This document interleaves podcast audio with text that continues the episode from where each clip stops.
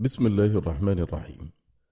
الحمد لله وأشهد أن لا إله إلا الله وحده لا شريك له وأشهد أن سيدنا محمدا عبد الله ورسوله صلى الله وسلم وبارك عليه وعلى آله وصحبه أما بعد. المجلس الخامس من مجالس سماع كتاب عدة الصابرين وذخيرة الشاكرين للإمام أبي عبد الله محمد بن أبي بكر بن أيوب بن قيم الجوزية رحمه الله تعالى. يقرأه عليكم عمرو البساطي. يقول رحمه الله الباب الثامن عشر في ذكر أمور تتعلق بالمصيبة من البكاء والندب وشق الثياب ودعوى الجاهلية ونحوها. فمنها البكاء على الميت. ومذهب أحمد وأبي حنيفة جوازه قبل الموت وبعده واختاره أبو إسحاق الشيرازي. وكرهه الشافعي وكثير من أصحابه بعد الموت ورخصوا فيه قبل خروج الروح. واحتجوا بحديث جابر بن عتيك أن رسول الله صلى الله عليه وسلم جاء يعود عبد الله بن ثابت فوجده قد غلب فصاح به فلم يجبه فاسترجع وقال غلبنا عليك يا أبا الربيع. فصاح النسوة وبكينا فجعل ابن عتيك يسكتهن فقال رسول الله صلى الله عليه وسلم دعهن فإذا وجب فلا تبكين باكية. قالوا وما الوجوب يا رسول الله؟ قال الموت. رواه أبو داود والنسائي. قالوا وفي الصحيحين من حديث ابن عمر رضي الله عنهما أن النبي صلى الله عليه وسلم قال إن الميت لا يعذب ببكاء أهله عليه وهذا إنما هو بعد الموت وأما قبله فلا يسمى ميتا. وعن ابن عمر رضي الله عنهما أن رسول الله صلى الله عليه وسلم لما قدم من أحد سمع نساء بني عبد الأشهل يبكين على هلكاهن فقال لكن حمزة لا بواكي له. فجئنا نساء الأنصار فجئنا نساء الأنصار فبكينا على حمزة عنده فاستيقظ فقال ويحهن أتينا ها هنا يبكين حتى الآن مروهن فليرجعن ولا يبكين على هالك بعد اليوم رواه الإمام أحمد. وهذا صريح في نسخ الإباحة المتقدمة. والفرق بين ما قبل الموت وبعده أنه قبل الموت يرجى فيكون البكاء عليه حذرا فإذا مات انقطع الرجاء وأبرم القضاء فلا ينفع البكاء. قال المجوزون قال جابر أصيب أبي يوم أحد فجعلت أبكي فجعلوا ينهونني ورسول الله صلى الله عليه وسلم لا ينهاني فجعلت عمتي فاطمة تبكي فقال النبي صلى الله عليه وسلم تبكين أو لا تبكين؟ ما زالت الملائكة تظله بأجنحتها حتى رفعتموه متفق عليه. وفي الصحيحين أيضا عن ابن عمر رضي الله عنهما قال اشتكى سعد بن عبادة شكوى له فأتاه النبي صلى الله عليه وسلم يعوده مع عبد الرحمن بن عوف وسعد بن أبي وقاص وعبد الله بن مسعود فلما دخل عليه وجده في غشية فقال قد قضى فقالوا لا يا رسول الله. فبكى رسول الله صلى الله عليه وسلم فلما رأى القوم بكاءه بكوا فقال ألا تسمعون إن الله لا يعذب بدمع العين ولا بحزن القلب ولكن يعذب بهذا وأشار إلى لسانه أو يرحم. وفي الصحيحين أيضا من حديث أسامة بن زيد رضي الله عنه أن رسول الله صلى الله عليه وسلم انطلق إلى إحدى بناته ولها صبي في الموت فرفع إليه الصبي ونفسه تقعقع كأنها شنة ففاضت عيناه. فقال سعد ما هذا يا رسول الله؟ قال هذه رحمة جعلها الله في قلوب عباده وإنما يرحم الله من عباده الرحماء. وفي مسند الإمام أحمد من حديث ابن عباس رضي الله عنهما قال ماتت رقية ابنة رسول الله صلى الله عليه وسلم فبكت النساء فجعل عمر يضربهن بسوطه فقال النبي صلى الله عليه وسلم دعهن يا عمر يبكين وإياكن ونعيق الشيطان. ثم قال إنه مهما كان من العين ومن القلب فمن الله ومن الرحمة وما كان من اليد واللسان فمن الشيطان. وفي المسند أيضا عن عائشة رضي الله عنها أن سعد بن معاذ لما مات حضره رسول الله صلى الله عليه وسلم وأبو بكر وعمر رضي الله عنهما. قالت فوالذي نفسي بيده إني لأعرف بكاء أبي بكر من بكاء عمر وأنا في حجرتي. وفي المسند أيضا عن أبي هريرة رضي الله عنه قال مر على النبي صلى الله عليه وسلم بجنازة يبكى عليها وأنا معه ومعه عمر بن الخطاب فانتهى عمر اللاتي يبكين عليها فقال النبي صلى الله عليه وسلم دعهن يا ابن الخطاب فإن النفس مصابة وإن العين دامعة والعهد قريب. وفي جامع الترمذي عن جابر بن عبد الله رضي الله عنهما قال أخذ النبي صلى الله عليه وسلم بيد عبد الرحمن بن عوف فانطلق إلى ابنه إبراهيم فوجده يجود بنفسه فأخذه النبي صلى الله عليه وسلم فوضعه في حجره فبكى. فقال له أتبكي؟ أولم تكن نهيت عن البكاء؟ قال لا ولكن نهيت عن صوتين أحمقين فاجرين. صوت عند مصيبة خمش الوجوه وشق الجيوب ورنة الشيطان. قال الترمذي هذا حديث حسن. وقد صح عنه صلى الله عليه وسلم أنه زار قبر أمه فبكى وأبكى من حوله. وصح عنه أنه قبل عثمان بن مضعون حتى سالت دموعه على وجهه. وصح عنه أنه نعى جعفرا وأصحابه عيناه تذرفان. وصح عن أبي بكر الصديق رضي الله عنه أنه قبل النبي صلى الله عليه وسلم وهو ميت وبكى. فهذه اثنا عشر حجة تدل على عدم كراهة البكاء فتعين حمل أحاديث النهي على البكاء الذي معه ندب ونياحة. ولهذا جاء في بعض ألفاظ حديث عمر الميت يعذب ببعض بكاء أهله عليه وفي بعضها يعذب بما نيح عليه. وقال البخاري في صحيحه قال عمر دعهن يبكين على أبي سليمان يعني خالد بن الوليد.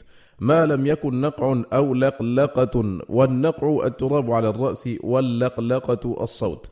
وأما دعوى النسخ في حديث حمزة فلا يصح لأن معناه لا يبكين على هالك بعد اليوم من قتل أحد. ويدل على ذلك أن نصوص الإباحة أكثرها متأخرة عن غزوة أحد منها حديث أبي هريرة إذ إسلامه وصحبته كانا في السنة السابعة ومنها البكاء على جعفر وأصحابه وكان استشهادهم في السنة الثامنة ومنها البكاء على زينب وكان موتها في الثامنة أيضا ومنها البكاء على سعد بن معاذ وكان موته في الخامسة ومنها البكاء عند قبر أمه صلى الله عليه وسلم وكان عام الفتح في الثامنة. وقولهم إنما جاز قبل الموت حذرا بخلاف ما بعد الموت. جوابه أن الباكي قبل الموت يبكي حزنا وحزنه بعد الموت أشد فهو أولى برخصة البكاء من الحالة التي يرجو فيها. وقد أشار صلى الله عليه وسلم إلى ذلك بقوله تدمع العين ويحزن القلب ولا نقول ما يسخط الرب وإنا بك يا إبراهيم لمحزونون. فصل فصل. وأما الندب والنياحة فنص أحمد على تحريمهما. قال في رواية حنبل النياحة معصية. وقال أصحاب الشافعي وغيرهم النوح حرام. وقال ابن عبد البر أجمع العلماء على أن النياحة لا تجوز للرجال ولا للنساء. وقال بعض المتأخرين من أصحاب أحمد يكره ذلك تنزيها. وهذا لفظ أبي الخطاب في الهداية. قال ويكره الندب والنياحة وخمش الوجوه وشق الجوب والتحفي. والصواب القول بالتحريم لما في الصحيحين من حديث عبد الله بن مسعود رضي الله عنه أن النبي صلى الله عليه وسلم قال ليس منا من ضرب الخدود وشق الجوب ودعا بدعوى الجاهلية. وفي الصحيحين عن أبي بردة قال وجع أبو موسى وجعا فغشي عليه ورأسه في حجر امرأة من أهله فلم يستطع أن يرد عليها شيئا فلما أفاق قال أنا بريء ممن برئ منه رسول الله صلى الله عليه وسلم فإن رسول الله صلى الله عليه وسلم برئ من الصالقة والحارقة والشاقة وفي الصحيحين أيضا عن المغيرة بن شعبة قال سمعت النبي صلى الله عليه وسلم يقول إن من نيح عليه يعذب بما نيح عليه. وفي الصحيحين أيضا عن أم عطية قالت أخذ علينا رسول الله صلى الله عليه وسلم في البيعة ألا ننوح فما وفت منا امرأة إلا خمس نسوة. وفي صحيح البخاري عن ابن عمر رضي الله عنهما أن النبي صلى الله عليه وسلم قال الميت يعذب في قبره بما نيح عليه. وفي صحيح مسلم عن أبي مالك الأشعري رضي الله عنه أن النبي صلى الله عليه وسلم قال أربع في أمة من أمر الجاهلية لا يتركونهن الفخر في الأحساب والطعن في الأنساب والاستسقاء بالنجوم والنياحة. وقال النائحة إذا لم تتب قبل موتها تقام يوم القيامة عليها سربال من قطران ودرع من جرب. وفي سنن أبي داود عن أسيد بن أبي أسيد عن امرأة من المبايعات قالت كان فيما أخذ علينا رسول الله صلى الله عليه وسلم في المعروف الذي أخذ علينا ألا نعصيه فيه ألا نخمش وجها ولا ندعو ويلا ولا نشق جيبا ولا ننتف شعرا. وفي مسند الإمام أحمد عن أنس وفي مسند الإمام أحمد عن أنس قال أخذ النبي صلى الله عليه وسلم على النساء حين بايعهن ألا ينحن. فقلنا يا رسول الله إن نساء أسعدننا في الجاهلية أفنسعدهن في الإسلام؟ فقال لا إسعاد في الإسلام. وقد تقدم قوله ما كان من اليد واللسان فمن الشيطان وقوله نهيت عن صوتين أحمقين صوت عند مصيبة خمش وجوه وشق جيوب ورنة شيطان. وفي مسند أحمد من حديث أبي موسى أن النبي صلى الله عليه وسلم قال الميت يعذب ببكاء الحي إذا قالت النائحة وعضداه وناصراه وكاسياه جبذ الميت. وقيل له أنت عضدها أنت ناصرها؟ أنت كاسيها؟ وفي صحيح البخاري عن النعمان بن بشير قال أغمي على عبد الله بن رواحة فجعلت أخته عمرة بنت رواحة تبكي وتقول وجبلاه وكذا وكذا تعدد عليه. فقال حين أفاق ما قلت لي شيئا إلا قيل لي أنت كذلك فلما مات لم تبك عليه. وكيف لا تكون هذه الخصال محرمة وهي مشتملة على التسخط على الرب وفعل ما يناقض الصبر والإضرار بالنفس من لطم الوجه وحلق الشعر ونتفه والدعاء عليها بالويل والثبور والتظلم من الله سبحانه وإتلاف المال وإتلاف المال بشق الثياب وتمزيقها وذكر الميت بما ليس فيه. ولا ريب أن التحريم الشديد يثبت ببعض هذا. قال المبيحون لمجرد الندب والنياحة مع كراهتهم له قد روى حرب عن واثلة بن الأسقع وأبي وائل أنهما كانا يسمعان النوح ويسكتان. قالوا وفي الصحيحين عن أم عطية قالت لما أنزلت هذه الآية يا أيها النبي إذا جاءك المؤمنات يبايعنك على أن لا يشركن بالله شيئا ولا يسرقن ولا يزنين إلى قوله ولا يعصينك في معروف كان منه النياحة فقلت يا رسول الله إلا آل فلان فإنهم كانوا أسعدوني في الجاهلية فلا بد لي من أن أسعدهم. فقال إلا أهل فلان. وفي رواية لهما قالت بايعنا رسول الله صلى الله عليه وسلم فقرأ علينا أن لا يشركن بالله شيئا. ونهانا عن النياحة فقبضت امرأة منا يدها قالت فلانة أسعرتني فأنا أريد أن أجزيها. قالت فما قال لها شيئا فذهبت فانطلقت ثم رجعت فبايعها. قالوا وهذا الإذن لبعضهن في فعله يدل على أن النهي عنه نهي تنزيه لا تحريم ويتعين حمله على المجرد من تلك المفاسد جمعا بين الأدلة. قال المحرمون لا تعارض سنة رسول الله صلى الله عليه وسلم بأحد من الناس كائنا من كان ولا تضرب سنته بعضها ببعض. وما ذكرنا من النصوص صريحة صحيحة لا تحتمل تأويلا. وقد انعقد عليها الإجماع. وأما المرأة التي قال لها إلا آل فلان والمرأة التي سكت عنها فذلك خاص بهما لوجهين. أحدهما أنه قال لغيرهما لما سألته ذلك لا إسعاد في الإسلام. والثاني أنه أطلق لهما ذلك وهما حديثا عهد بالإسلام وهما لم يميزا بين الجائز من ذلك وبين المحرم. وتأخير البيان عن وقت الحاجة لا يجوز فعلم أن الحكم لا يعدوهما إلى غيرهما. فصل. فصل. وأما الكلمات اليسيرة إذا كانت صدقا لا على وجه النوح والتسخط فلا تحرم ولا تنافي الصبر الواجب. نص عليه أحمد لما رواه في مسنده من حديث أنس أن أبا بكر رضي الله عنه دخل على النبي صلى الله عليه وسلم بعد وفاته فوضع فمه بين عينيه ووضع يديه على صدغيه وقال ونبياه وخليلاه وصفياه. وفي صحيح البخاري عن أنس أيضا قال لما ثقل النبي صلى الله عليه وسلم جعل يتغشاه الكرب فقالت فاطمة وكرب أبتاه؟ فقال ليس على أبيك كرب بعد اليوم. فلما مات قالت يا أبتاه أجاب ربا دعاه يا أبتاه جنة الفردوس مأواه يا أبتاه إلى جبريل ننعاه. فلما دفن قالت فاطمة يا أنس أطابت أنفسكم أن تحثوا على رسول الله صلى الله عليه وسلم التراب وقال رسول الله صلى الله عليه وسلم وإنا بك يا إبراهيم لمحزنون وهذا ونحوه من القول الذي ليس فيه تظلم للمقدور ولا تسخط على رب تعالى ولا إسخاط له فهو كمجرد البكاء. فصل فصل. فأما قول النبي صلى الله عليه وسلم إن الميت يعذب بالنياحة عليه فقد ثبت عنه من رواية عمر بن الخطاب وابنه عبد الله والمغيرة بن شعبة والمغيرة بن شعبة وروى نحوه عمران بن حسين وأبو موسى رضي الله عنهم فاختلفت طرق الناس في ذلك فقالت فرقة يتصرف الله في خلقه بما شاء وأفعال الله لا تعلل ولا فرق بين التعذيب بالنوع عليه والتعذيب بما هو منسوب إليه لأن الله خالق الجميع والله تعالى يؤلم الأطفال والبهائم والمجانين بغير عمل. وقالت فرقة هذه الأحاديث لا تصح عن رسول الله صلى الله عليه وسلم وقد أنكرتها عائشة أم المؤمنين. واحتجت بقوله تعالى ولا تزر وازرة وزر أخرى. ولما بلغها رواية عمر وابنه قالت إنكم لتحدثون عن غير كاذبين ولا متهمين ولا متهمين ولكن السمع يخطئ. وقالت إنما مر النبي صلى الله عليه وسلم على قبر يهودي فقال إن صاحب هذا القبر يعذب وأهله يبكون عليه. وفي رواية متفق عليها عنها. إنما قال رسول الله صلى الله عليه وسلم إن الله لا يزيد الكافر عذابا ببكاء أهله عليه. وقالت حسبكم القرآن ولا تزر وزرة وزر أخرى. وقالت فرقة أخرى منهم المزني وغيره أن ذلك محمول على من أوصى به إذا كانت عادتهم إذ كانت عاداتهم ذلك. وهو كثير في أشعارهم كقول طرفة إذا مت فانعيني بما أنا أهله وشق علي الجيب يا ابنة معبدي.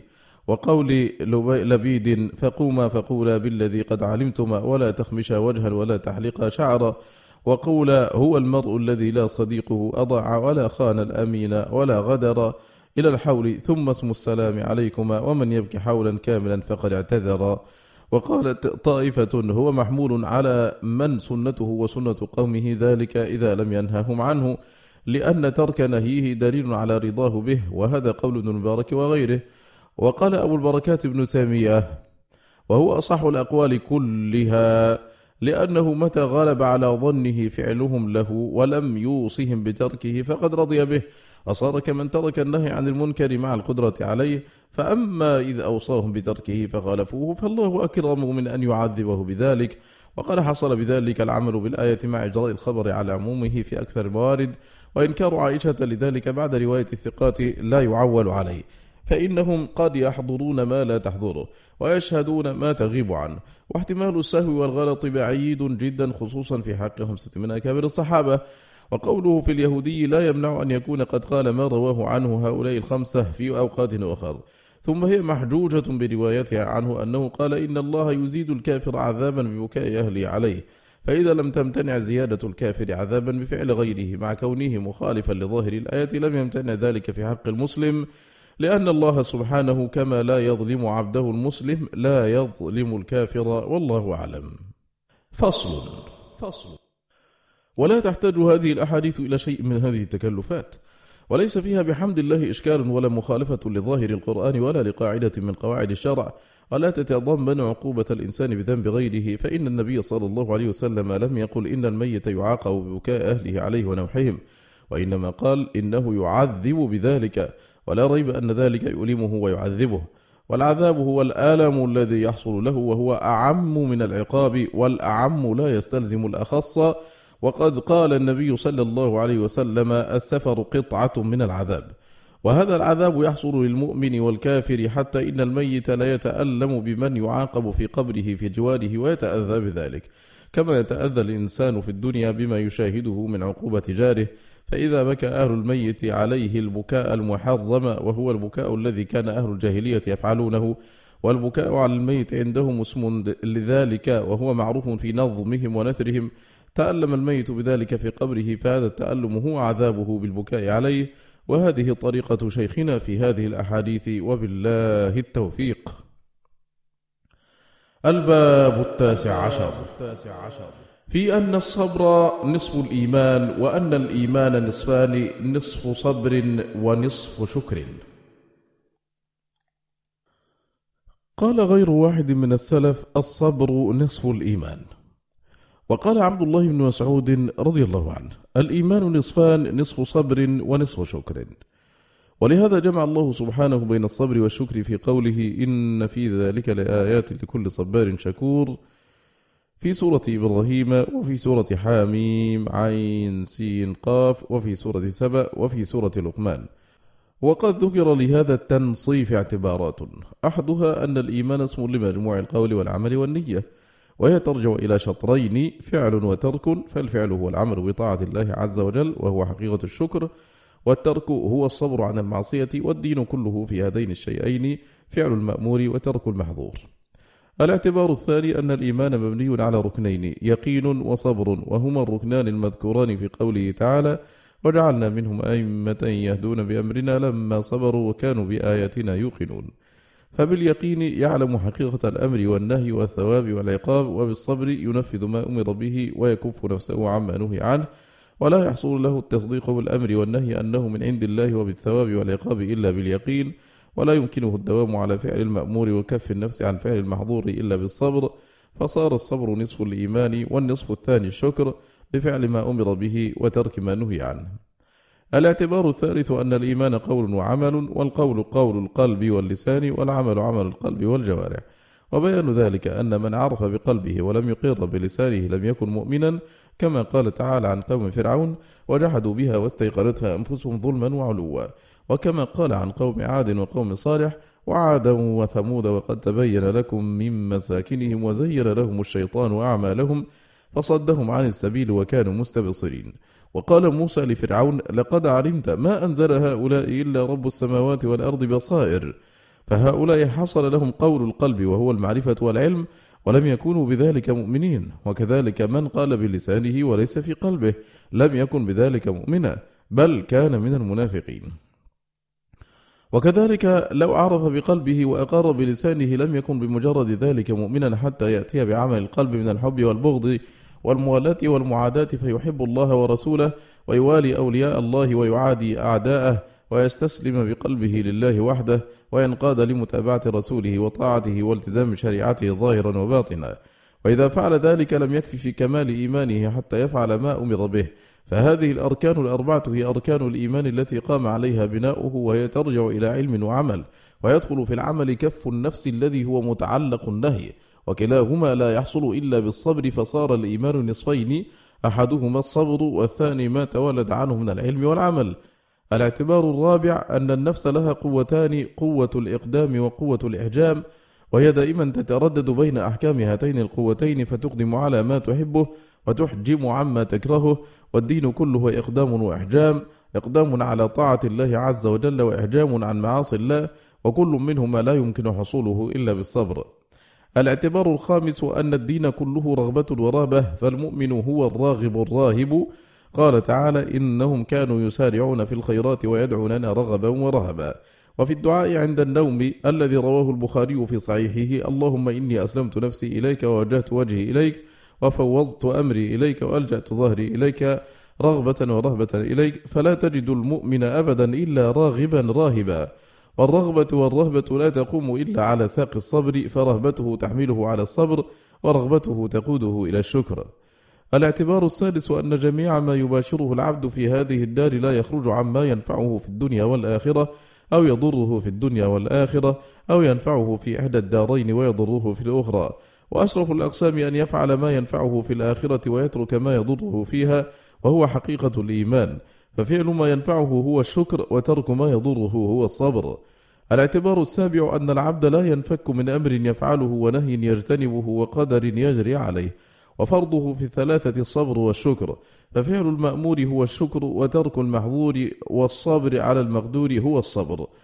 الاعتبار الثامن أن العبد فيه داعيان داع يدعوه إلى الدنيا وشهواتها ولذاتها وداع يدعوه إلى الله والدار الآخرة وما أعد فيها لأوليائه من النعيم المقيم. فعصيان داعي الشهوة والهوى هو الصبر وإجابة داعي الله والدار الآخرة هو الشكر. الاعتبار التاسع أن الدين مداره على أصلين العزم والثبات وهما الأصلان المذكوران في الحديث الذي رواه أحمد والنسائي عن النبي صلى الله عليه وسلم. اللهم إني أسألك الثبات في الأمر والعزيمة على الرشد. وأصل الشكر صحة العزيمة وأصل الصبر قوة الثبات. فمتى أيد العبد بعزيمة وثبات فقد أيد بالمعونة والتوفيق. الاعتبار العاشر أن الدين مبني على أصلين الحق والصبر وهما المذكوران في قوله تعالى وتواصوا بالحق وتواصوا بالصبر ولما كان المطلوب من العبد هو العمل بالحق في نفسه وتنفيذه في الناس وكان هذا هو حقيقة الشكر لم يمكنه ذلك إلا بالصبر عليه فكان الصبر نصف الإيمان والله أعلم. إلى هنا ينتهي مجلسنا هذا. على خير بإذن الله نلقاكم في مجلس آخر. وصلى الله وسلم وبارك على سيدنا محمد وآله وصحبه والسلام عليكم ورحمة الله تعالى وبركاته.